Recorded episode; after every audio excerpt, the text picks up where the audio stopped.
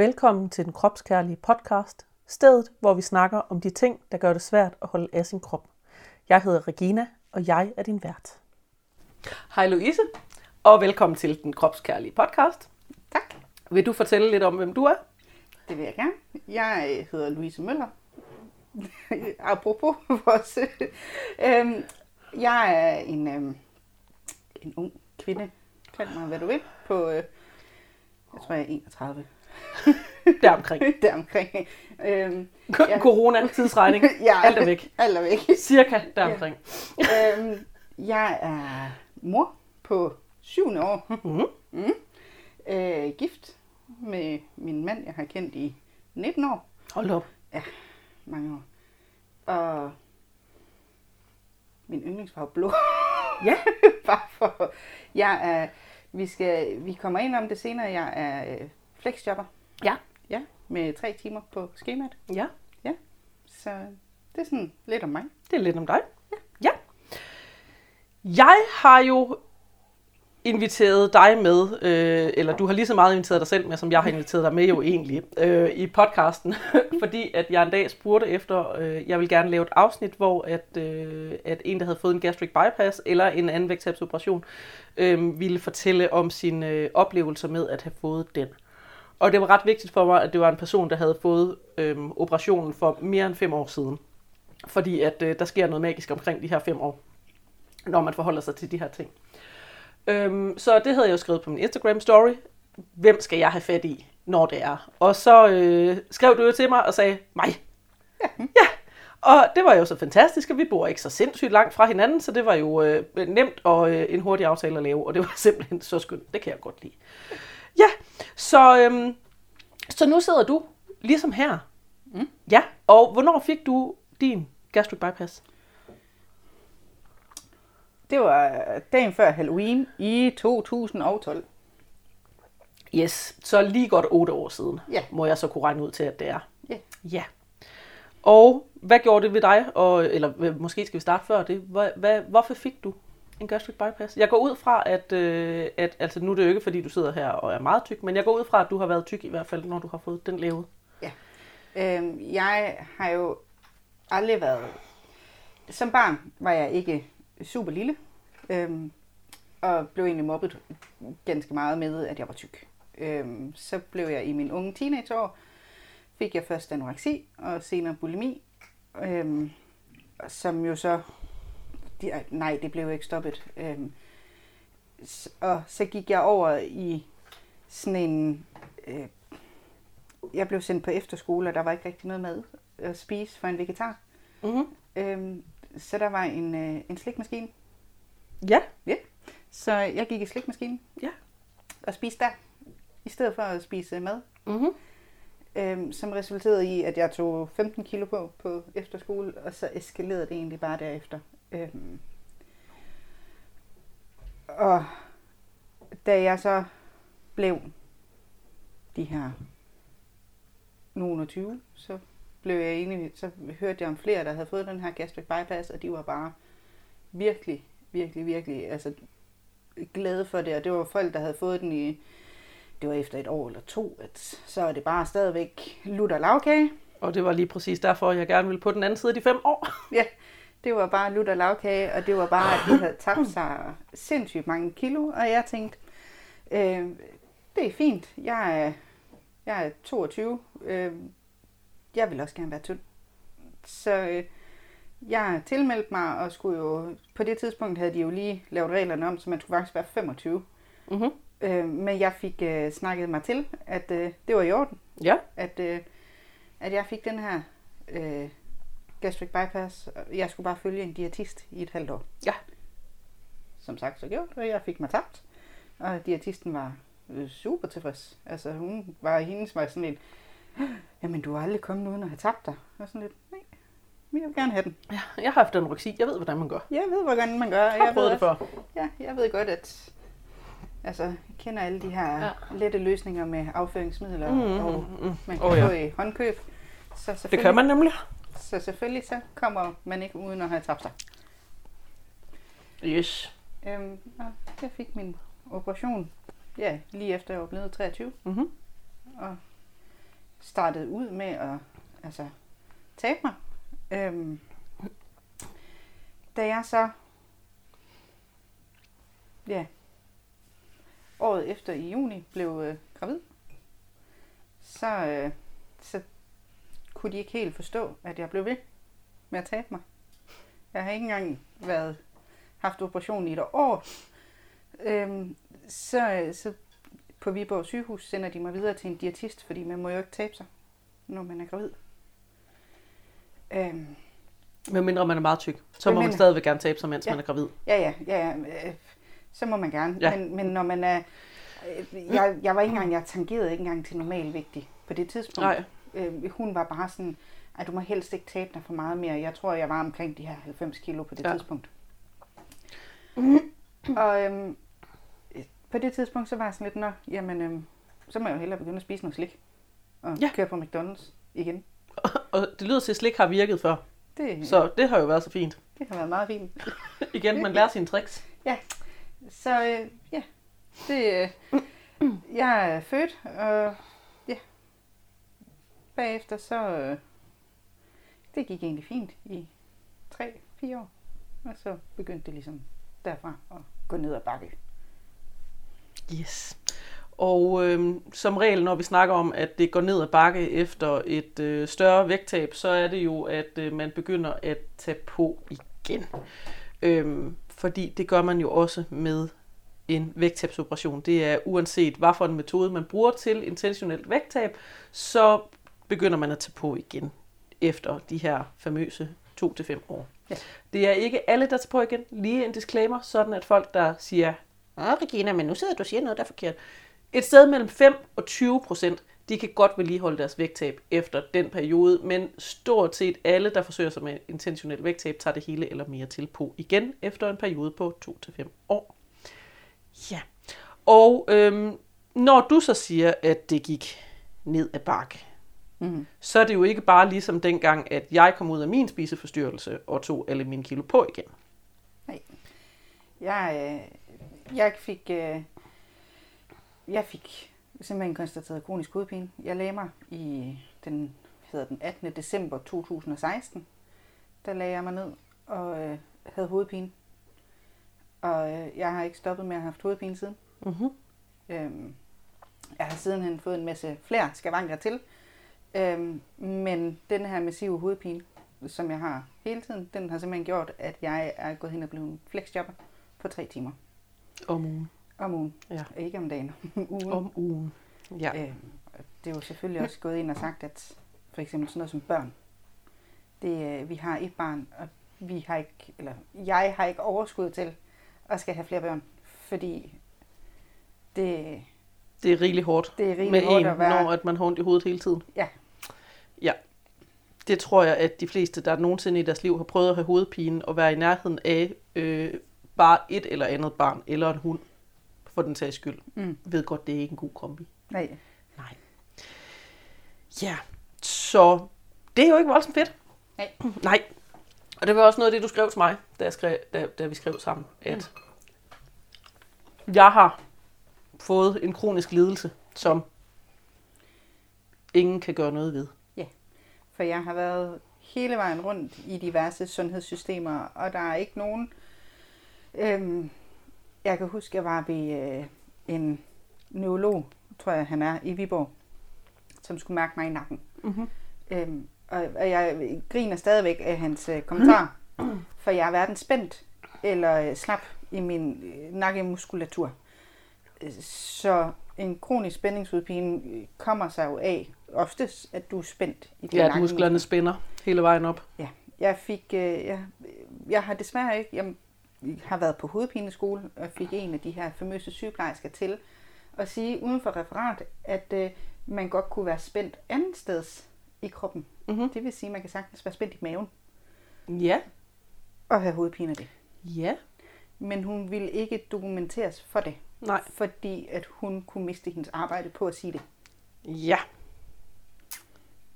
Interessant. Det var meget interessant. Ja. Jeg har flere, der siger, at de gerne, øh, det her med, når man laver om på maven øh, og tarmsystemet, at det giver noget ubalance i kroppen, Ja. ja. og at man derved... Og selvfølgelig gør det det. Ja, altså, Altså vores krop er jo sådan som udgangspunkt øh, ret fantastiske og kan klare det meste sådan uden særlig meget bøvl og besvær. Ja. Så når man går ind og flytter noget så vitalt som maven. noget så, altså at gøre mavesækken mindre, og man fjerner et ret godt stykke af tarmen og flytter tarmen et længere nede op på den nye mindre stykke mavesæk. Det er et ret voldsomt indgreb. Ja, det er et kæmpemæssigt voldsomt indgreb. Ja. Og jeg, jeg forstår ikke, at den her operation stadigvæk er lovlig. Øhm, nu har jeg, jeg har jo været ved selv at studere mange altså af de her i USA. Mm. Og de lukker mere og mere ned for denne her gammeldags type gastric bypass. Øhm, og, og er begyndt på nogle nye metoder Ja. fordi at de finder ud af, at øh, det her, det dur ikke. Det holder ikke i længden. Ja. Folk, de bliver simpelthen syge af det. Ja. Det er godt folk. Men ved du så, hvad de gør i USA, eller hvad man begynder at arbejde med i USA i stedet for? Ja, Man det, arbejder vel stadigvæk i retning af vægttab, altså den her med, at det stadigvæk er bedre at blive tynd. Ja, ja. Men stadigvæk, altså, det hele skal jo altid munde ud i, at man bliver tynd. Ja. Altid. Vi kan godt lide at lade som om, at det er sundt, men Ja. de fleste, der har prøvet at tabe sig særlig mange kilo, har, ved godt, at man ikke nødvendigvis bliver sundere, når man har tabt sig Ja. rigtig mange kilo. Øhm, nej, de siger jo bare, at, at de vil lave om på selve operationen, fordi operationen, der i deres øjne er et mislykket ting. Ja. Noget. Så vægttabet er stadigvæk godt, vi skal bare lige have fundet en ny metode til det. yes. Ja, fantastisk. Det er øh, op ad bakke, det her. Øh, jeg synes, at det er, jeg synes, at det er interessant, hvordan at vi bliver ved med, at øh, jeg har flere gange hørt, at øh, læger for eksempel sige, at vægttabsoperationer er det, det bedste middel til at hjælpe tykke mennesker til et varigt vægttab. Ja. Og det bliver jeg sådan lidt øh, resten over hver gang jeg hører, fordi at øh, det ikke virker bedre end andre vægttabsforsøg. Det giver ofte voldsomme bivirkninger, og det er bivirkninger, som man kommer til at have resten af sit liv. De fleste, der har fået en gastric bypass, snakker meget om det her med dumping. Mm. Øhm, og det er jo ikke sådan noget, der går over, Nej. når man tager på igen. Det er jo sådan noget, der bare følger med. Ja. For evigt. Altid. Altid. Altså, og du får jo dumping af de skøreste ting. Jeg kan ikke spise havregryn med mælk. Som vi ellers på et samfundsmæssigt plan er rimelig enige om, at der skulle være øh, fornuftig og sund mad at spise. Jeg kender flere, der får dumping af vand. Ja, Altså, sådan nogle, og vand er ret vitalt. ja, sådan nogle åndssvage ting, hvor man tænker, det burde jo ikke være det, du blev syg af. Men de har simpelthen fundet ud af ved at udelukke det. Altså, jeg har fundet ud af, at jeg bliver syg af at spise havregryn med mælk. Øh, eller bare generelt mormadsprodukter ja. med mælk. Hvor jeg tænker, altså det, hvad sker der for det? Ja. Vand. Hvad, hvad bliver du syg af, når du drikker mm. vand? Men Og jo også interessant, hvordan du fortæller det her med under din graviditet. Så jeg, jeg, for, jeg, nu er det min antagelse, at du allerede på det tidspunkt også oplevede dumping, fordi de fleste de oplever ja. det lige efter operationen. ja, ja, Ja, så interessant, hvordan at du også får at leve op til de her sundhedsprofessionelles krav om, at du ikke må tabe dig i en situation, hvor at du mekanisk har fået, altså en vægttabsoperation er en mekanisk anoreksi. Man kan ikke spise nok, så man udsulter sig selv. Det er fuldstændig ligesom anoreksi, vi har bare gjort det mekanisk i maven i stedet for. Øhm, så det her med, at du har fået en mekanisk anoreksi, sundhedsprofessionelle siger, at du skal spise mere. Du kan ikke nødvendigvis spise mere, fordi du oplever dumping. Din mave er sikkert meget lille. Man kan simpelthen ikke spise nok til at ikke at tabe sig, især tidligt i øh, efter operationen. Mm. Og hvor du så må ty til at spise rigtig meget slik. Ja. Fordi det er kalorietæt. Men igen, så lader vi som om, at det handler om at være sund. Men jeg tror, at de fleste mennesker, der har prøvet at spise særlig meget slik på en gang, ved godt, at når man har spist sådan en pose slik af en vis størrelse, så sidder man nogle gange bagefter og ikke synes, at det var sådan en helt vildt føl- fed følelse, man havde i kroppen bagefter. ja. Og hvor jeg tænker sådan et puh, altså at, at få at vide, at nu skal du spise mere, fordi du må ikke tabe dig, fordi du er gravid, fordi at det ikke er godt eller sundt, eller hvad det nu skulle være, og så bliver midlet til det, at man bliver nødt til at spise. store mængder slik, for at kunne leve op til det, som sundhedsprofessionelle beder en om. Slik, jamen både slik og det at være McDonald's mad også. Ja. Altså at man måtte køre ind og så købe en milkshake, eller Det er også nogle gode milkshakes, de har på Det- McDonald's. Jeg fik en i forgårs, jeg var glad. uden at de er sindssygt lækre.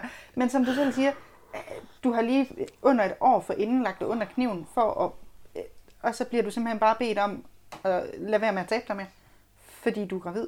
Jamen, Men også med en historik med spiseforstyrrelser, der synes jeg også, det er vildt, at, altså, at du kan have anoreksi, som bliver forvandlet ind til en øh, bulimi. Det fortalte du mig at, øh, her, inden vi optog, at det var fordi, at, at der simpelthen var et krav om, at nu skulle du begynde at spise. Mm. Og fordi, at, at altså, spiseforstyrrelser handler sjældent omkring mad. Det handler om alt muligt andet, og så kan man kontrollere det med mad. Det bliver en mestringsstrategi. Så må du jo lave din mestringsstrategi om, fordi at den virkede ikke længere i, i, i forhold til andre mennesker. Mm.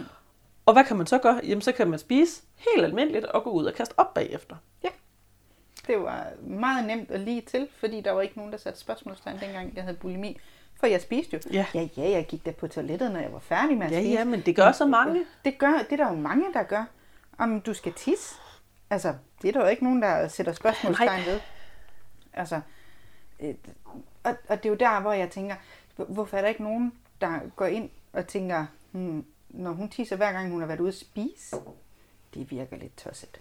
Ja, men, men også den her med, at dengang, at du... Øhm, betalte du selv for din operation, eller fik du den af det? Jeg fik den af det Du fik det offentlige. af det offentlige.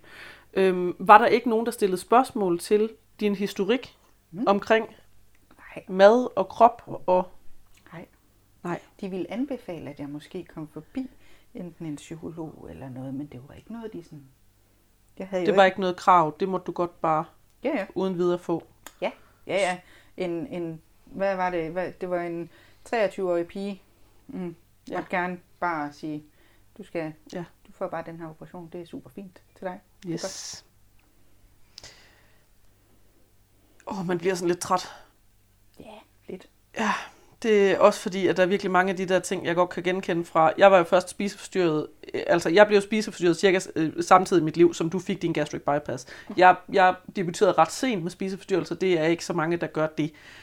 Øhm, men, men mange af de ting, du fortæller, er jo også noget, hvor jeg har overvejet det sådan lidt. Jeg har aldrig kunne fremprovokere at, at kaste op, mm. men, men dengang, at jeg var på slankekur, og jeg havde anoreksi, var det der sådan en ting, hvor jeg tænkte, jamen nu når jeg rent faktisk har performet at spise sammen med andre mennesker, fordi det var sådan lidt et teater, man stillede op, at Ja. nu kan jeg godt spise, når jeg var i nærheden af andre. Øhm, at så havde det da været rart, at man bare lige kunne gå ud og kaste op bagefter. Ja. Fordi at så kom der ikke ligesom, altså i gåsøjne, en regning bagefter. bagefter, ja, ja. ja. Fordi at det var virkelig sådan, jeg så på det. Og jeg har da også øhm, fantaseret om det her med at få en, en vægttabsoperation, fordi det ville jo være meget nemmere på den måde, hvis det var. Fordi så kunne jeg ikke. Mm. Og, jeg, og jeg har også haft en idé om, at jeg sådan overhovedet ikke har haft noget mådehold. Jeg slet ikke kunne styre mig selv, og jeg var øh, doven, og jeg var en hel masse ting. Og det er sådan, jamen, hvis jeg nu bare kunne styre mig selv. Men altså, jeg styrede jo mig selv så meget, at jeg trænede tre timer om dagen og spiste 1100 kalorier. Og alligevel så fantaserede jeg om, hvordan at jeg kunne tabe mig mere. Jamen, det er jo sindssygt. Ja.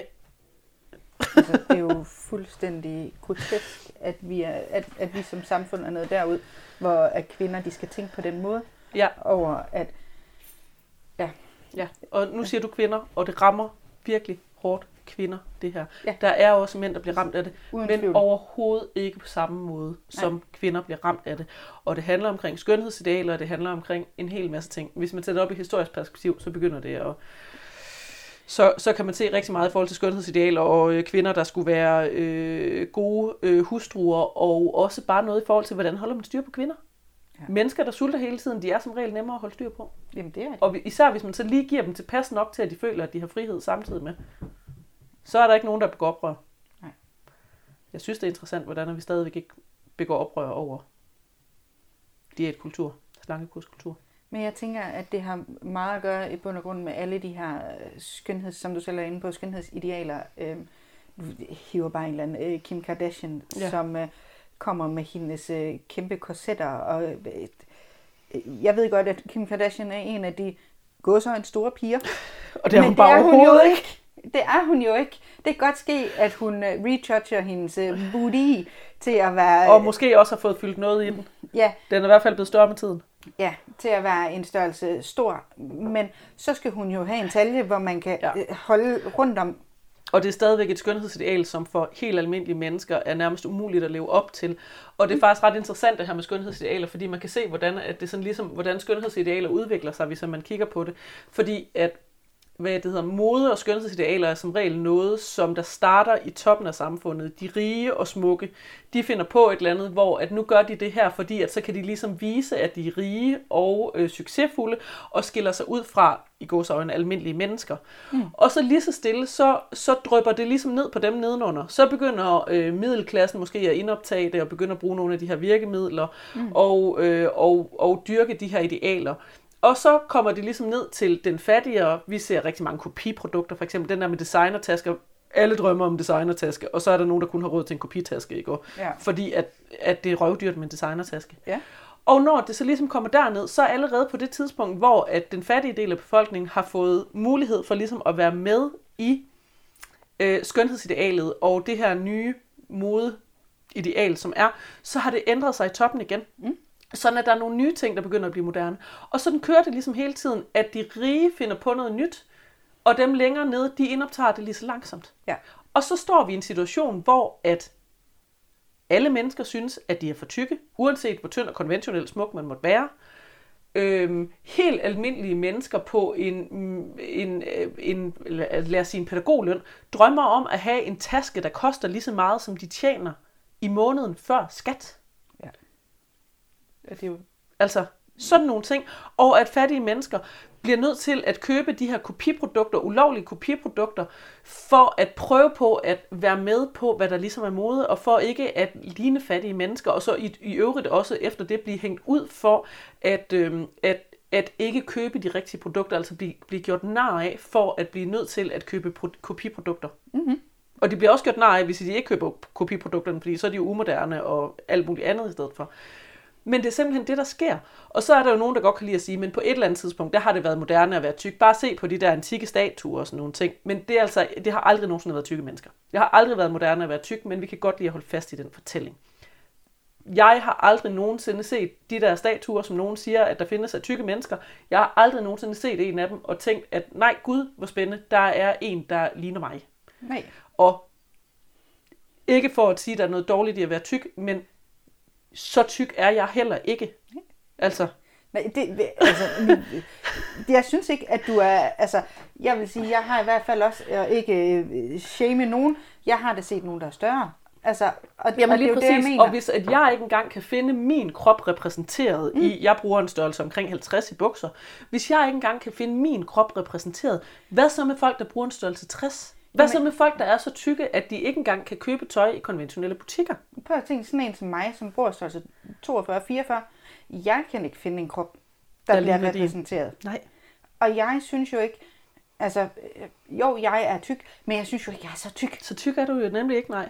Altså, jeg, hvor jeg tænker, en størrelse 42-44 burde jo være en i gods en normal størrelse. Det er jo en normal størrelse. Altså det, jeg tror nok, hvis man ser på sådan en gennemsnitsstørrelse for kvinder, så tror jeg altså nok, at det ligger på der omkring de 44, at det sådan er... Men der er jo ikke repræsenteret Nej. nogen som helst steder. Der er jo ikke hverken i diverse modemagasiner, i, som du selv siger, i de her statuer, som vi jo Som så vi godt kan lide at lade som om, der er tykke. Øh, Yes, der er jo ikke nogen steder. Jeg har måske engang, øh, Sissi er jo så begyndt at have de her store, De, og de er, Øh, og de er sjældent ikke... mere end størrelse 42-44 heller. hvor jeg tænker, ja, de her mannequin-dukker, hvor jeg tænker, de, de er jo ikke store. Nej. Vi har jo ingen mulighed for at se, for eksempel tøj, hvordan det sidder på Ja. os. Fordi, øh, altså når de søger plus size modeller øh, hos øh, Zalando og hvor de ellers, så er en plus size model en størrelse 40. Måske 42, hvis det er stort. Ja, Det har jeg også for et par år siden. Jeg kan ikke engang helt huske, hvornår det var. Der kom Nike jo med en plus size mannequin også. Men, og hvor folk var sådan, åh oh, nej, nu er det fedt med glorificering, og jeg ved ikke hvad. Men, men det var jo bare en helt straight size størrelse krop. Det var jo stadigvæk ikke en tyk krop. Nej. Ligesom at Sissis modeller ikke er tykke modeller. Nej. De er bare større end de modeller, som viser straight size tøj frem, som tit er en størrelse 34-36 måske. Og der, altså, du skal heller ikke komme og sige til mig, at de her størrelse 34, 36, selvfølgelig findes de, Det gør de. men det er jo ikke dem, der er overrepræsenteret i vores befolkning. Nej. Og, men det er jo også noget af det, der gør, at selv tynde mennesker Ja, de føler sig tykke. tror, at de er tykke. Fordi at, jamen, jeg lærer, at det er sådan der, at der er altså normalt. Så hvis det der er det normalt, normalt, så må jeg jo være tyk. Ja, og de er jo ikke en skide tykke. Nej. Altså- Men det er også det, når man så sælger tøj op i en størrelse 60 måske. Jeg tror nok, at sige største størrelse er Ja, 60. det tror jeg. Når man så sælger tøj i en størrelse 60, men fremviser det på en model på størrelse 42, så lærer man jo altså også, at så må det jo betyde, at jeg er virkelig tyk, når at jeg ser ud som hende, der er modellen, der viser tøj frem i en størrelse 60. Ja, Vi ved, vi er så hjernevasket af tyndhedsidealer, at vi ikke engang ved, hvordan tykke mennesker ser ud længere. Mm. Fordi vi ser ikke tykke mennesker repræsenteret nogen steder. Mm. Tykke mennesker ikke får, får ikke lov til at vise tøj frem til tykke mennesker. Tykke mennesker får ikke lov til at være, øh, være ligeværdige mennesker i film og tv, eller i medier, eller i nogen som helst steder. og alle dem, som måske er lidt tykke til at starte med, for eksempel sådan en som Adele, sangerinde der, som jo var, var stor, da hun startede. Og så stor var hun heller. Og så stod, nej, det var hun ikke, det ved jeg godt. Men, men Jeg kan godt lide at sige, at hun var større, end hun var, men, men jeg ved, hvad du mener. Hun, hun var jo ikke en størrelse 32, men det er hun jo så blevet. Ja. Og det sjove er også med sådan som Adele. Nu har hun jo så tabt sig. Og så hylder man hende for det. Hvor det sådan lidt, jamen, vi kunne jo også bare nyde, at hun jo har lavet noget... At hun er en Fantastisk. fantastisk sanger. Ja. I stedet for, at hvor sådan lidt, nu tabte hun sig. Så er det det, hun er god til i stedet for. Nej, hun er jo fantastisk til at lave musik, og du skal ikke komme og bilde mig ind, at når du har noget mere på sidebenene, jeg har selv sunget i mine unge dage, og jeg ved, når du har, altså, du har sgu noget mere kraft. Og, men også, at tit mange tykke mennesker, der følger jo også med, at man har en krop, altså at kroppen er bygget større. Ja. Jamen, Altså det er jo ikke kun, og det ser vi også den her med, vi kan godt acceptere, at folk har forskellige højder. Hvorfor kan vi ikke acceptere, at folk har forskellige bredder? det, øh, ja. Det er jo også sådan, hvad? Hvad? Nu fortalte jeg dig, inden at vi gik i gang her med min datter, som øh, Oh, ja. Jeg var ved sundhedsplejerske ved her for 14 dages tid siden. Deres IT-system var nede, og hun ringer så en uges tid efter og fortæller mig, at min, øh, min datter hun ligger over kogen. Øhm, og hun øh, fortæller mig, at jeg skal, skal passe på, hvad det er, at jeg fodrer mit barn med. Og jeg siger til hende, det er jeg udmærket godt klar over, men jeg kan også godt se, når jeg kigger på hende, og jeg kigger på for eksempel de andre piger i klassen, hun er ikke bygget ligesom dem. Selvfølgelig er hun er ikke et lille nips, og det ved jeg godt.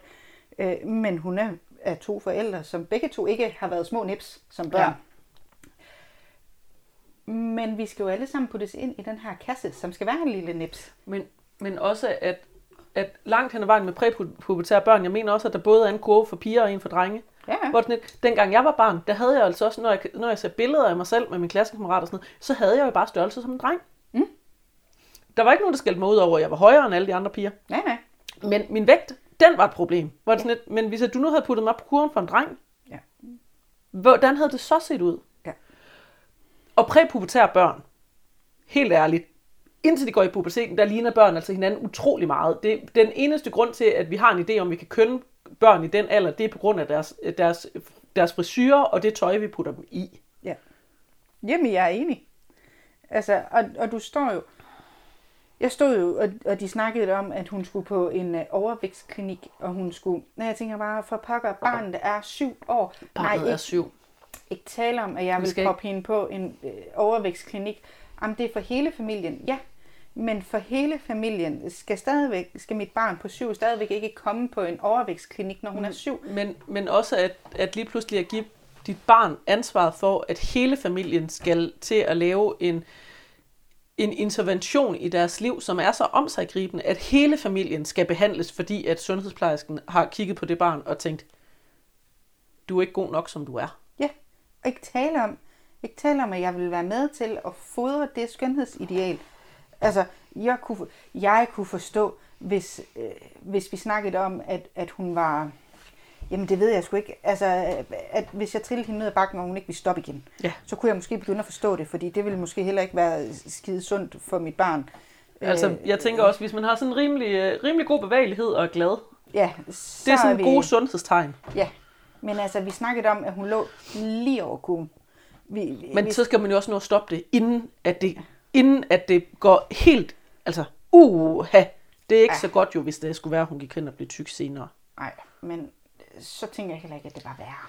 Nej. Det, jeg må sgu bare indrømme, at jeg, jeg bliver sådan lidt... Vi begynder allerede på dem, når de går i børnehaveklasse. Ja. Det er ikke, og det begynder tidligere. Børn ned til 3 års alderen, de kan finde på at gå, at, altså er bevidste omkring deres kropsstørrelse. Så slemt er det. Det er jo bare ikke i orden. Det når man starter i børnehave, begynder man allerede at være bevidst om, hvorvidt ens krop er for stor eller ej. Altså, Når man spørger små børn, altså relativt små børn, børn i, i, der i starten af skolealderen, når man spørger dem, hvad de er mest bange for, så er børn mere bange for at blive tykke, end de er for, at en af deres forældre dør. Så slemt er det. Og prøv lige at se, hvorfor. Nå, men jeg har det trygt hjemme med mor og far. Det er ikke realistisk, at en af dem de dør, fordi det kan man jo ikke forestille sig, når man er et barn, og det Nej. er trygt og fint.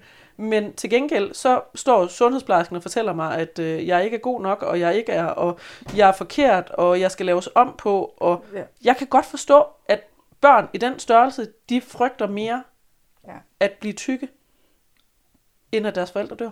Fordi at forældre dør, kan man slet ikke forestille sig. Nej, nej. Men man kan godt forestille sig at være tyk, og hvor slemt det er. Ja, ja, ja. jamen helt sikkert. Og, og det, er jo, det er jo forfærdeligt, at vi pådutter vores børn, altså, at, at de skal leve i den frygt. At fordi man bliver, fordi man bliver tyk, er det jo ikke ens betydning med, at du ikke er ligeværdig Præcis. med andre. Altså, og det er det ikke. Og jeg kan simpelthen... Altså, jeg blev så gal på hende, og jeg, brugt, jeg tror, jeg har brugt en halv time på at forklare hende i telefonen, at nej, jeg ønsker ikke at sende mit barn på overvækstklinik. Og hun blev ved med. Og til sidst så måtte jeg jo så fortælle hende, at jeg ville overveje det. Fordi, Fordi så fik du ro. så fik jeg ro, og så ville hun afslutte samtalen. Vil du, Men- vil du ikke love mig, at du aldrig nogensinde sender dit barn til sundhedsplejerske, uden at du er med? Hun kommer ikke, de har et øh, opfølgning igen næste år. Hun får ikke lov til at komme afsted alene. Og, og eventuelt slet ikke tage dit barn med til sundhedsplejersken, når hun skal til sundhedsplejersken. Jamen, det er så en af de der famøse skoleregler, at så kan man jo så risikere at blive indberettet. Fordi så er det et trivselsspørgsmål. Så tag barnet med, og så sig, at øh, der er ting, som øh, så må hun godt få lov til at måle og veje, men så skal barnet også øh, gå væk efter det. For eksempel. Altså, jeg må indrømme, det, jeg, er, jeg er uddannet pædagog, Ja, og jeg er chokeret over, hvor langt vi er nået i det her. Altså, det er så vildt. det er så vildt. Men det er også fordi, at tykfobi er jo virkelig alle steder. Altså, igen, vi lærer fra, vi er helt bitte, bitte, bitte små børn, at tykke kroppe er dårligere kroppe, og at tykke mennesker er dårlige mennesker. Fordi at vi lærer, at tykke mennesker er dogne, og de spiser meget. Det er derfor, de er tykke, og de er grådige, og de er tit også nogle dårlige legekammerater. Jeg havde en, øh, en af mine, øh, mine øh, rigtig søde følgere her den anden dag. Hun, hun er begyndt at sende mig øh, øh, billeder af tykfobiske børnebøger en gang imellem, hvor der var nogen, der havde lavet sådan en encyklopædi af en art, og hvor der så beskrev jo forskellige ting. Og en af, en af de ting var, og var det en, en det var vist ikke en bisse, men der var der henne af, og så var det jo så de her beskrivelser, hvad er en bisse så, eller en bølle, eller sådan et eller andet. Og jeg tror, der var fire beskrivelser, Ja. og de tre af dem, det var en tyk dreng, som ikke er god ved mig. Okay, så det kan ikke være en tynd dreng, Nej, som ikke er god. det var tykke drenge, som tog ens ting, eller var grim ved en på anden vis, eller alt sådan nogle ting. Bare det, Ja da. der lærer man jo børn, at tykke mennesker er onde, og de er dumme, og de øh, øh, overskrider ens grænser, og Det er jo helt igen, Mathias. Jeg vil jo sige, at inden jeg fik den her operation, der var jeg da meget mere... Øh, altså, øh, jeg kan huske, min mor hun havde på et tidspunkt en kæreste. Øh, vi var inde og gå ind i Aarhus Midtby. Øhm, og der var jeg... Jeg var, jeg var stor. Øhm, og dengang, der, der gik jeg fra dem. Altså, fordi jeg, jeg gik hurtigt. ja, Og, og min mor, hun var sådan lidt, hun kom hen til mig bagefter og sagde, Gud, Louise, Kim han kom hen, og så sagde han til mig, at han troede ikke, du kunne gå så hurtigt, fordi du var så stor. Jamen, Hvad? Skulle jeg ikke kunne gå Ja, hurtigt? skulle jeg ikke kunne gå hurtigt af den grund? Jamen, det, han, siger, han sagde jo til mig, at da jeg, hans, de tykke mennesker, han kendte, de kunne ikke gå. Ah, men jeg er jo ikke doven. Bare fordi jeg er tyk. Altså, jeg har altid haft heste, og jeg har altid haft med heste at gøre. Og jeg har reddet på høj plan, øh, selvom at jeg var stor. Altså, så det er da en åndssvag ting at sige. Jeg ved, inden for ridesporten, der bliver tykke mennesker også havlet ned, fordi de skal ikke have lov til at sætte sig på ryggen af en hest, og de skal har ikke have lov faktisk- til, og de skal, og det er synd, og de skal have en øh, kæmpe stor øh, belgier og jyde. Men, Ja. øh, så må jeg jo så bare skuffe dem og sige, jamen hvis du så sætter dig op på sådan en, så ødelægger du jo først ryggen på dem, fordi de er ikke skabt til, at du skal sidde på ryggen af De dem. er skabt til at trække ting i stedet for. Ja, det kan jeg forstå, at du så spænder en vogn efter dem og lader dem trække. Men du ødelægger dem, hvis du sætter dig på ryggen. Godt ske, det ser harmonisk ud, at en tyk bærer en tyk. Men det er jo ikke godt. Men jeg synes også, det er interessant det her, fordi jeg har faktisk en følger, jeg har skrevet med omkring det her også. Hvor mm. hun sagde, at på den rideskole, hun kom på, der var der en vægtgrænse på 100 kilo på at må sidde på en hest, hvor jeg sådan en stor hest kan fint slæbe mere end 100 kilo, det er noget værre bagl. Men det er jo interessant, hvordan at vi er okay med, at mennesker, som vejer, lad os tage en mand, der vejer måske 80 kilo, vi er helt okay med, at han går ned i fitnesscenteret, og så dødløfter han 100 kilo Det er da. Og så squatter han en hel masse, og så gør han en hel masse. Det er okay, at han, han går rundt og løfter mere end sin egen kropsvægt. Hmm. Men vi er bange for, at en hest ikke kan løfte 20% af sin egen kropsvægt, for eksempel. Altså en stor hest vejer immer væk hurtigt over 500 kilo. Ja, det gør den. Og, og man, jeg vil jo sige, øh, som hestemennesker har haft med heste at gøre i mange 25 plus år, Ja. Står du med en hest, som er reddet kontinuerligt, Ja. som har de korrekte rygmuskler, Ja. og som ellers er trænet, som den skal, Ja. kan altså snilt bære plus 100 kilo. Ja. Det, jeg ville øh, sætte mig lidt i spidsen på, det var jo, altså, du skal nok ikke sætte dig op på en treårs nytilredet, som ingen Nej, muskler har. nej, lige præcis. Det er jo det, fordi, og sådan er det jo også med mennesker. Det, har jeg, det siger jeg jo gerne det her med, at så er der nogen, der har en idé om, at hvis man er tyk og man har ondt i ledene, så er, det, jo- så er den eneste måde jo øh, på at gøre noget ved det, det er, at man taber sig. Hvor det sådan et ja, eller også så skal du genoptræne dine muskler. Ja. Det er jo det samme med en hest. Hvis hesten er vant til at lave det her arbejde, så er det ikke noget problem. Det er det samme med mennesker. Hvis vi er inaktive, så er det som regel hårdt at gå i gang med at lave noget. Så skal vi lige så stille tilvende os til det. Men når vi har tilvendet os til, hvad det end er, vi gerne vil, løbe en maraton, hvis det er det, man har lyst til, men så kan vi det godt. Og, og det er det, jeg sådan, altså, jeg har været på udkig, øh, det er ikke noget, jeg sådan, jeg har været på udkig efter en islandsk hest. Mm. Øhm, og jeg sad og skrev med en i går, det var meget sjovt, pudsigt. Øhm, og jeg havde egentlig sat lidt som et krav, at, at den skulle i hvert fald være 140, fordi den, det skulle ikke se for træls ud. Og hun skrev til mig, øh, altså, øh, du kan sagtens finde en på 140, det er slet ikke det. Men det du skal have, det er jo en lille robust hest. Ja. Du skal ikke have de der på 140, som er høje og slanke. Du skal have de gammeldags typer. En lille tæt en. Ja, og, og det kan jeg jo... Jeg er helt ny i Island-verden, selvom jeg har haft med heste i mange år. Ja. Ja. Øhm, men, ja, Island og verden er jo sådan en helt egen verden. det er inden for heste. Ja, altså der har du jo de her nicheavler, og det, det er bare sådan en, det har været en meget fin hest og alt muligt. Men, og, og vi brugte faktisk rigtig lang tid på, på at snakke om det her, fordi jeg kan jo godt se det. Altså man skal jo have en, som har øh, den der tæthed, og hun skrev også til mig, jamen ved du hvad Louise, mænd på plus 100 kilo, og nogle gange også 130 kilo på Island, rider altså rundt på de De- her heste, Uden problemer. så de her øh, søde, dejlige damer herhjemme i Danmark, som synes, at det er synd, at når du max vejer, når du vejer over 70 kilo, at det så er synd at sætte dig op på, på en islandsk hest. De skal ikke rejse til Island, fordi de vil jo få et hjertestop over de her store mænd, der rider tværs over Island på de her heste. Altså, Op ad bakker, ned ad bakker, og rundt i bække og sten, og jeg ved ja. Ikke hvad, og de der heste, de er sgu ligeglade. de tonser jo bare afsted. På, Fuldstændig. Altså, og det er det, jeg mener. Man bliver fandme også nødt til at være realistisk. Øh, Og, og det er jo med alt i verden, om det hedder sport, om det hedder din krop, altså så længe at du ikke... At din krop er vant til belastning, så er det ikke så slemt. Og jeg Nej. synes virkelig, at jeg synes, at det er rigtig interessant det her med, hvordan at den tykfobi, der eksisterer i samfundet, at det her, altså, ikke nødvendigvis had mod tykke, men, men den her, alle de her fordomme omkring tykke mennesker, endda er så slemt, at tykke mennesker jo, altså vi siger til tykke mennesker, at øh, de skal sørge for at være fysisk aktive. Vi har en antagelse om, når man går og kigger på mennesker og ser, om de er fysisk aktive. Fordi hvis man er tyk, kan man jo ikke være fysisk aktiv. Nej, nej. Eller gå hurtigt for den sags skyld. Nej. Sådan må det jo nødvendigvis være. Men, men samtidig med, at vi så siger til tykke mennesker, at de skal sørge for at være fysisk aktive, uden vi ved, om de er det eller ej, så sætter vi de her sindssyge forhindringer op, som gør, at man ikke kan komme til at være fysisk aktiv med det, som man synes er sjovt. Det eneste, man kan, det er at gå i fitnesscenter. Øh. Og når man så går i fitnesscenter, så har du, og, ikke, og det kan godt ske, at du øh, må gerne, men de gange, jeg har gået i fitnesscenter, der har jeg godt nok også haft folk til at kigge på mig. Yep. Fordi du kommer som en Ja. større pige end de andre, og skal til at gå på løbebånd, og du har lidt mere, der hopper og danser. Og mange af maskinerne har jo også en øvre vægtbegrænsning, hvor det er sådan lidt, du må ikke bruge den her, hvis du vejer x antal kilo. Var det sådan lidt, jamen, okay, så I vil gerne have, at jeg bliver tyndere eller mere aktiv, men I vil ikke lave en maskine, hvor jeg kan være aktiv. Og udover det, så afhængig af sin størrelse, er det også bare et problem i tøj. Ja. Hvis man er særlig tyk, kan man ikke købe tøj, som ligesom passer ind i det miljø, som et fitnesscenter er. Man kan ikke købe godt træningstøj, mm. når man er særlig tyk. Nej.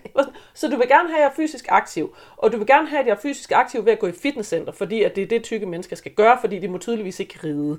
Nej. Så kan man måske være tyk på den der måde, man går i svømmehal, hvis det er, men det er, også sådan, det er kun gamle tykke damer, der gør det, fordi at alle vi andre, vi er for kropsforskrækket til at gå i svømmehal. Jo. men, men så, så tykke mennesker skal være aktive. Tykke mennesker skal være aktive på en bestemt måde. Vi gider ikke at lave tøj til tykke mennesker, så de kan være aktive på den bestemte måde. Og så bliver vi ved med at pege efter dem og sige, at de er forkerte, og de er inaktive, og de er tykke, fordi at de er nogle dogne skiderikker. Ja. Men så har vi dem jo også parkeret et sted. Og så, og så er det netop, at når man fortæller tykke mennesker, at du kan jo bare komme i gang, og så siger tykke mennesker, Gud, men det er da også rigtigt. Det er da også fordi, at jeg er doven i stedet for. Og sådan et, eller også er du bare pisse fucking træt, fordi at der bliver stillet så mange modsat rettede krav, og ingen gider fucking hjælpe dig. Alle står og peger fingre af dig. Og så bliver man bare træt, og når man er træt, så kommer man i hvert fald ikke i fitnesscenter, fordi at det kræver jo sådan en uges energi nærmest bare at overveje at gå i fitnesscenter, når at man er tyk og ikke er vant til at komme der. Ja. Jamen altså, og, og så kan du have diverse skavanker, nu ved jeg godt. øh, For eksempel så, da jeg var yngre, inden jeg fik den her gastric bypass, så kunne jeg, jeg kunne snorke om vinteren. Mm. Og det kunne være så vildt, at min mand han sagde, jeg kan faktisk ikke sove for det, du bliver nødt til at gå. Men jeg gjorde det ikke om sommeren. Nej. Så gik jeg til lægen, og så sagde jeg, jeg snorker helt vildt om vinteren. Altså, vi havde gjort det to vinter i streg, og jeg snorker ikke om sommeren. Så siger jeg, kan vi gøre noget? Du skal tabe dig. Ej, det er altid svaret, når du Altså, snorker. Det er fordi, du er tyk, at du snorker. Du skal bare tabe dig. Så sagde jeg, "Men- men jeg er jo også tyk om sommeren. Er du sikker? Altså, jeg taber mig jo ikke 30 kilo til sommeren. Altså, selvfølgelig vil man altid gerne have en sommerkrop. Men, men jeg når jo ikke at tabe mig, de her 30 kilo. Og så sagde jeg så, men, men hvad så om sommeren? Jamen, hvis du taber dig, så kan vi se på, om du stadigvæk snokker. Jamen, jeg snokker jo ikke om sommeren. For... Og det er jo igen der med, tykke mennesker kan ikke engang blive taget alvorligt ved lægen. Jamen, jeg snorker ikke hele året, ergo kan det jo ikke være min tykkhed, der er problemet. Nej. Men, Hvad men, kunne det så være, der var galt? men det kunne de slet ikke. Altså, jeg skulle bare tabe mig, og så kunne vi kigge på det igen. Og, øh, det var bare sådan lidt, altså, hold nu op. Ja. fordi at jeg er tyk, betyder det ikke, altså, ja, nej, Ja. undskyld, det var et tidsspring, men du ved, Nå, det, var, nej, det men- var bare mere hele den der, Ja. du kan ikke komme med noget, hvor du kun er x antal måneder om året, hvor du fejler et eller andet, og så sige, det er fordi du er tyk. Nej, for jeg sgu tyk hele året. Altså, det er jo ikke, Det er ikke tykkhedsbestemt, det er årstidsbestemt. ja, gør noget. Og det er jo det, ma- mange tykke mennesker oplever. Ja. At Ja. man går til lægen, og så siger lægen, jamen det må jo være, fordi du er tyk. Eller også er det, fordi du er en fucking inkompetent læge, der ikke gider at lave de undersøgelser, der er nødvendige. Fordi at du kigger på mig og tænker, det er også fordi, at hun ikke går i fitnesscenter, hende der. Ja. Det hvis hun nu gik i fitnesscenter, og hun var lidt tyndere, og hun spiste noget sundere, og hun en hel masse ting, og hvor det sådan lidt. Men de eneste de der ting, du kan se ved at kigge på en ty- tyk person, det var, at den tykke person ikke var lidt tyndere. Man kan ikke se, om folk er sunde, man kan ikke se, hvordan de spiser, man kan ikke se, hvordan at de bevæger sig og er fysisk aktive, ud fra, hvordan at deres kropsstørrelse ser ud, Nej. eller er. Sidste gang, jeg var ved sådan en, der måler kropsfedt og øh, knogler og sådan noget, så kiggede hun, altså hun var virkelig sådan, altså fordi hun sagde, over halvdelen af, af mig er jo ikke fedt, det er jo muskler. Mhm.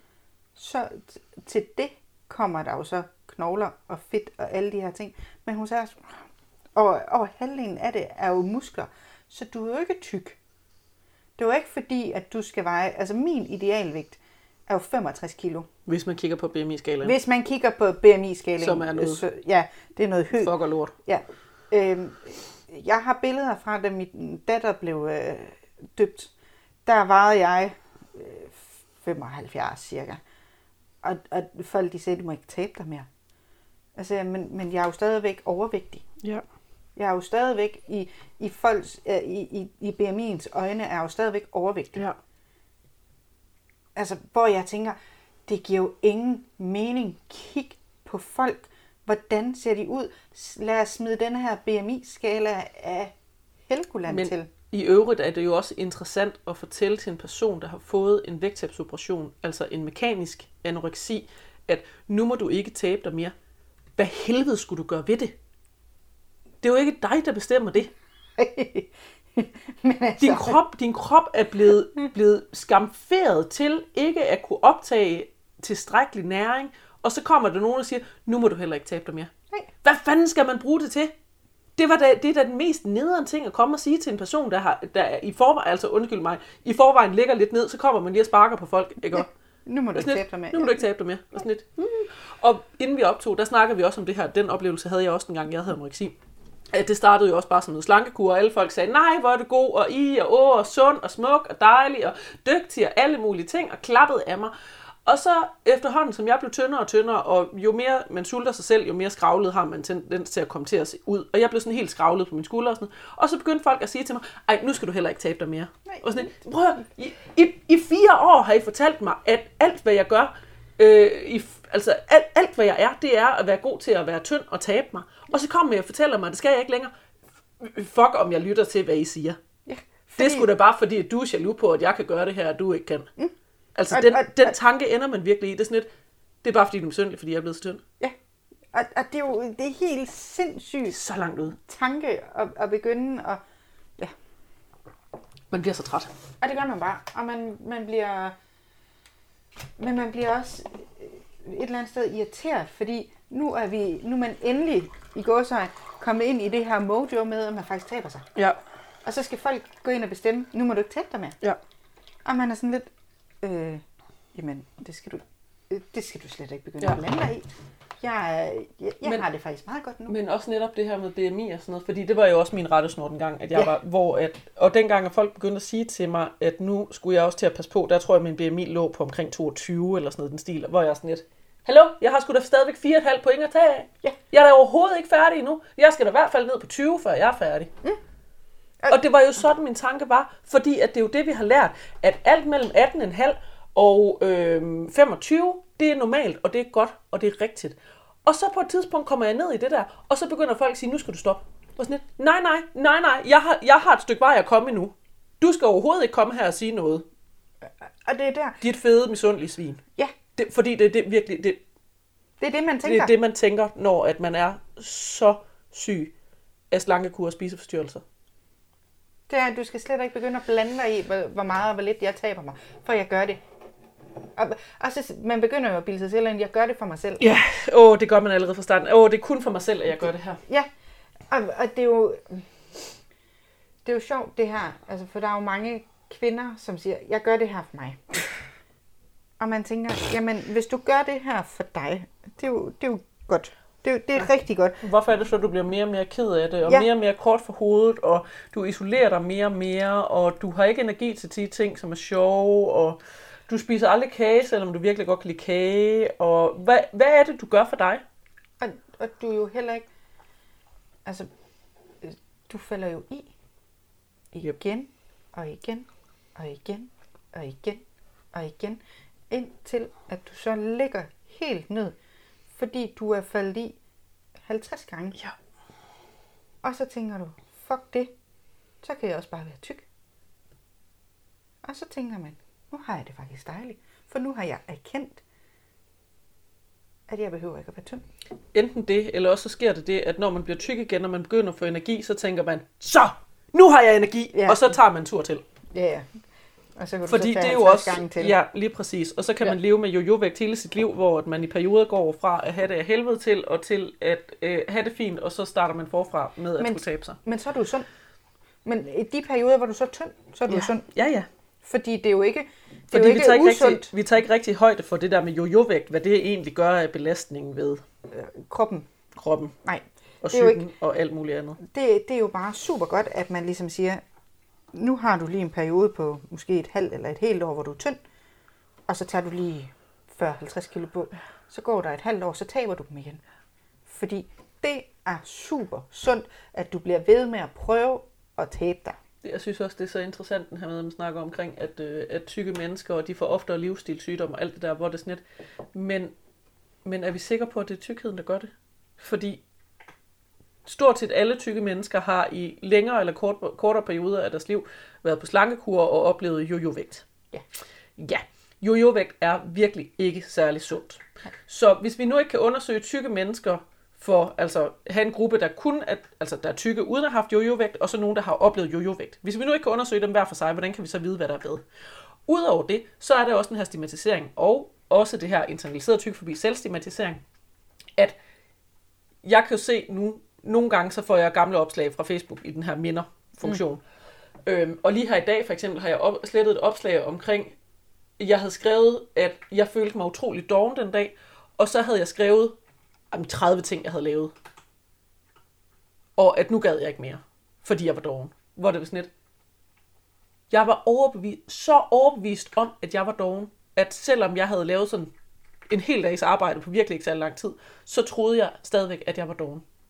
Fordi det lærer man, når at man er tyk. Så tykke mennesker, ikke nok med, at omverdenen kigger på tykke mennesker og fortæller tykke mennesker, at de er dumme, og de er dogne, og at de er dårlige mennesker, og de burde tabe sig og alle sådan nogle ting, så tror vi jo rent faktisk selv på det. Ja. Altså dengang, at jeg var tyndest, kom Bjarke på et tidspunkt hjem og sagde til mig, Regina, du må ikke kalde dig selv doven. Nej. Du kan lave så helt utrolig mange ting på en dag, som andre mennesker aldrig nogensinde kan. Og når du så omtaler dig selv som doven, så snakker du faktisk virkelig, virkelig grimt om andre folk, som ikke kan lave så helt sindssygt meget, som du kan. Mm. Så stop med det. Du er ikke doven. Nej. Og efter det er det blevet sådan lidt, jeg tror ikke på, at der findes dovne mennesker. Jeg tror på, at der findes trætte mennesker. Ja. Og jeg kan faktisk godt forstå, hvis tykke mennesker, de generelt er helt vildt trætte, fordi det er fucker hårdt at eksistere i en verden, hvor at alle andre hele tiden gør en opmærksom på, at man ikke er god nok. Jamen, og, og det er den der, hvor at du får jo konstant at vide, at du er ikke god nok, hverken til kuk eller bø eller noget som helst. Altså, du er Du er for tyk til at ride på en hest. Øh, du må hellere gå i fitnesscenter, men du er for tyk til at komme i fitnesscenter, for du kan ikke få det rigtige tøj. Altså, det er jo igen den, vi er tilbage eller i. bruge øh, maskinerne. Eller bruge maskinerne. Altså- eller løbebåndet. Eller folk kigger på en og griner af en, fordi Ja. at... Og, og, og det motiverer jo ikke. Det, ja, det det motiverer. Ja, det gør det. Det, altså, så er du jo ikke... Men demotivation er vel også en slags motivation? Jo, men Ah, øh, jeg vil jo nok også sige, at... Øh, ja, nej, nej. nej. Altså, men, Men det er virkelig sådan, den her med, at man hele tiden... Og så er det jo netop den her med, at, at så begynder man bare sådan at indoptage den. Ja, men og, og, altså jeg kan godt lide det her, den der ordsprog, der hedder, øh, hvad er det nu, der hedder, tykke mennesker kan også have tynd mave. Ja. Altså, det, hvor man sådan, altså, du kan jo sagtens være tynd, selvom at du er tyk. Altså, for du Ja. kan jo være spækket med muskler, uden at gå i fitnesscenter, og du bare har lidt ekstra på sidebenene. Og vi er bare nogle mennesker, som er bygget med større tæthed i vores Ja. knogler. Men, men også fordi, det er jo også en, det er meget interessant det der, fordi at vi hører nogle gange den her også, det er sådan en fitness-ting, den her med, at uh, inde i enhver tyk person er der en tynd person, der gerne vil ud. Hvor det er sådan lidt, nej nej, jeg er bare tyk. Men til gengæld, så var der på et tidspunkt, hvor at jeg pakkede min tykke krop væk mm. i en tynd krop, for at få lov til at passe ind. Ja, Men det var, det var altså ikke, fordi jeg var tynd på det tidspunkt. Det var altså, fordi jeg sultede og havde det helvede til. ja. Jamen, og, Og lige så snart jeg fik det godt, så kom min dejlige krop tilbage, mm. som fungerer. ja. Jamen, og Og det, det var altså ikke fordi, at jeg var blevet en tynd person af det. Jeg holdt bare en pause fra at være tyk, fordi at det havde jeg lige behov for i mit liv. Ja. Jamen, helt Men det blev jeg altså ikke tynd af. Selvom at jeg så tynd ud i en periode. Så kan man kigge øh, på sådan en som mig, som jo så har fået den her fedmeoperation. Ja. Øhm, og ja, jeg var da tynd i øh, en årrække på, på fire år, mm-hmm. eller hvad det var. Og nu ligger jeg jo øh, stabilt på, på de her kilo. Og ved du hvad, jeg har det sgu fint. Ja. Jeg har det udmærket. Og, og der er ikke... Og det er på trods af kronisk hovedpine. Ja, altså... Altså, så er der nogle ting, man godt kunne, kunne undvære. Sådan Jeg noget, kunne godt Men- undvære, altså, som jeg også siger til folk, øh, ja, lige nu var jeg 30, 35, 30 kilo mindre, end jeg gjorde, da jeg var størst. Det er selvfølgelig også værd at tage med, uden tvivl, men jeg ville hellere have været 30-35 kilo mere, Og ikke have hovedpine. og ikke have hovedpine, og alle de andre skavanker, jeg ja. har, og så bare kunne leve et normalt liv. Ja. Altså, og jeg ved, øh, det her, det lyder også sindssygt. Det, jeg tænker, jeg kunne helt vildt godt tænke mig at få en træretters menu. Jeg har ikke spist en træretters menu i 8 år. Fordi du simpelthen ikke kan indeholde Jeg kan ikke spise det. mad fra en treretters menu. Ja, jeg skal vurdere, hvorvidt jeg vil have en forret, Ja. en hovedret eller en dessert. Ja. Og det ser sådan svært ud, hvis jeg kun bestiller desserten. Men det var den, jeg ville vælge, hvis jeg skulle vælge mellem de tre. ja, ja, men, men du kan jo ikke sidde i et selskab og vente på, at der kun kommer dessert. Og, men, men hvor er det vildt også der med, fordi at vi andre ser, tager, øh, det er jo sådan en ting, vi tager for givet, hvor sådan lidt, jamen hvis jeg har råd til det, og jeg har lyst til at tage ud og spise en træretters menu, så gør jeg det jo bare. Så er det lækkert, det er selvforkælelse, det er livskvalitet. Ja. Den livskvalitet er taget fra dig. Fuldstændig. Og man kan måske godt op og bygge op arbejde bygge. Ja. ting. ja. Den der øh, mavesæk, jeg har. mig. Mini-mavesækken. Men øh, du er jo også bare derhen, hvor at, så ødelægger du jo bare noget andet, Ja. ved at du øh, gør den større. Altså, det, det er sådan... Du, har jo, du tager jo en masse livsglæde, en masse livskvalitet fra folk, når de får den her operation. ja. For, og så bagefter sige, du skal æde, hvad er det, jeg spiser? Er det 12 piller om dagen? Samtidig med, at så får jeg... Vitamintilskud og sådan nogle ting. Det er vitamintilskud. Ja. Rent. Så får jeg stik hver tredje måned, Ja, fordi B12. B12. Ja. Øhm, og, og der er snak om, at jeg skal have jern, IV, og jeg skal have. D-vitamin. Ja. Fordi jeg ligger så lavt, og jeg faktisk ikke optager det. Ja. Fordi at det bliver optaget I alle dine tarmsystemer. i tarmsystemet og i Som maven. der ikke er der. og, og at også at man skal spise tilstrækkelige mængder for overhovedet at få nok af det. Ja. Og hvis man så kunne optage det, så vil man jo stadigvæk skulle spise tilstrækkeligt. Så, så det vi gør er både, at du får for lidt af det gennem kosten, og at det du får kan ikke optages. Ja. Så derfor så er det sådan lidt, værsgo, nu skal du tage piller Ja. resten af dit liv. Og dem går jeg ud fra, at du selv betaler. Ja, ja, ja. Jeg betaler selv det hele. Og når du så betaler dem, øh, og du så får at vide, jamen de hjælper ikke, for du optager dem ikke. Mm-hmm. Så skal du så ind, som øh, jeg er så nåle forbi, så skal du ind og stikkes. Yes. Og, og så skal du så stikkes med det. Og, og jamen altså, Og så hver tredje måned skal du afsætte tid til at skal ind og have et stik, fordi at det er sådan, at det er dit liv nu, fordi du ikke kan optage næring. ja, og, og samtidig med, så tager jeg jo den. Jeg tager jo B12, både i pilleform ja. og i stikform, ja. for at prøve at få nok. Det samme med D-vitamin. ja. Så altså, jeg er... Øh, det her med at få den her operation, mange glorificerer den, men det er bare hårdt arbejde resten af dit liv. Du er ikke... Øh, det er ikke bare lutter lavkage. Du, det, det, kan godt ske, det kan godt ske, at du taber dig. Og det kan godt ske, at du har det fedt i fire år eller fem år.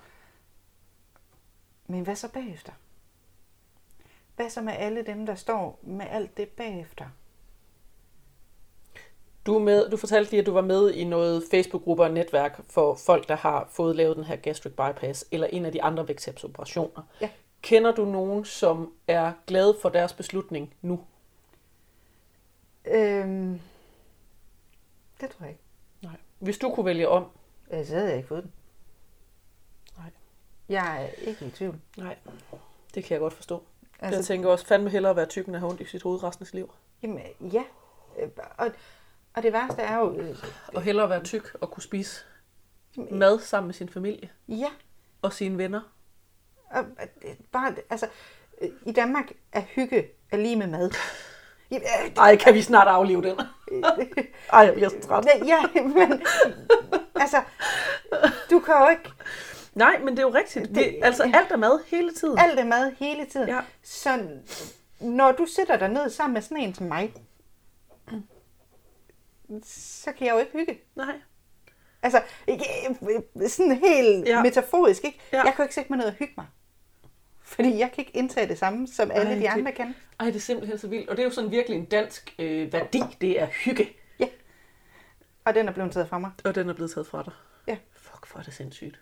Jeg snakkede lige med en veninde i går, som fortalte omkring det her med, at hendes, øh, hendes kæreste, han kan godt synes, at det er sådan, nej, men så skal vi jo, så skal vi jo, han kan godt lide chokolade, hun kan godt lide kage, men, men så skal man så nærmest have det samme for at kan hygge sig, hvor det er sådan lidt, men han kan da bare spise det, han gerne vil. Og han behøver det ikke, spi- øh, det behøver da ikke være samme tidspunkt, at I spiser Nej. de her ting. Hvis I nu har lyst til dem, så bare spis dem i stedet for. Men det er jo den der med, at nu skal vi lige hygge os med et eller andet. Og sådan. Ja. jamen, vi kan også bare hygge os. Ja. Vil du nusse min tær? Det er hyggeligt. Ja, det, det, der er der ikke nogen grund til at øh, finde et, altså så kan man finde et brætspil frem, eller whatever. Ja, lige præcis. Der er der ikke nogen grund til at sætte sig ned og, Nej. og spise.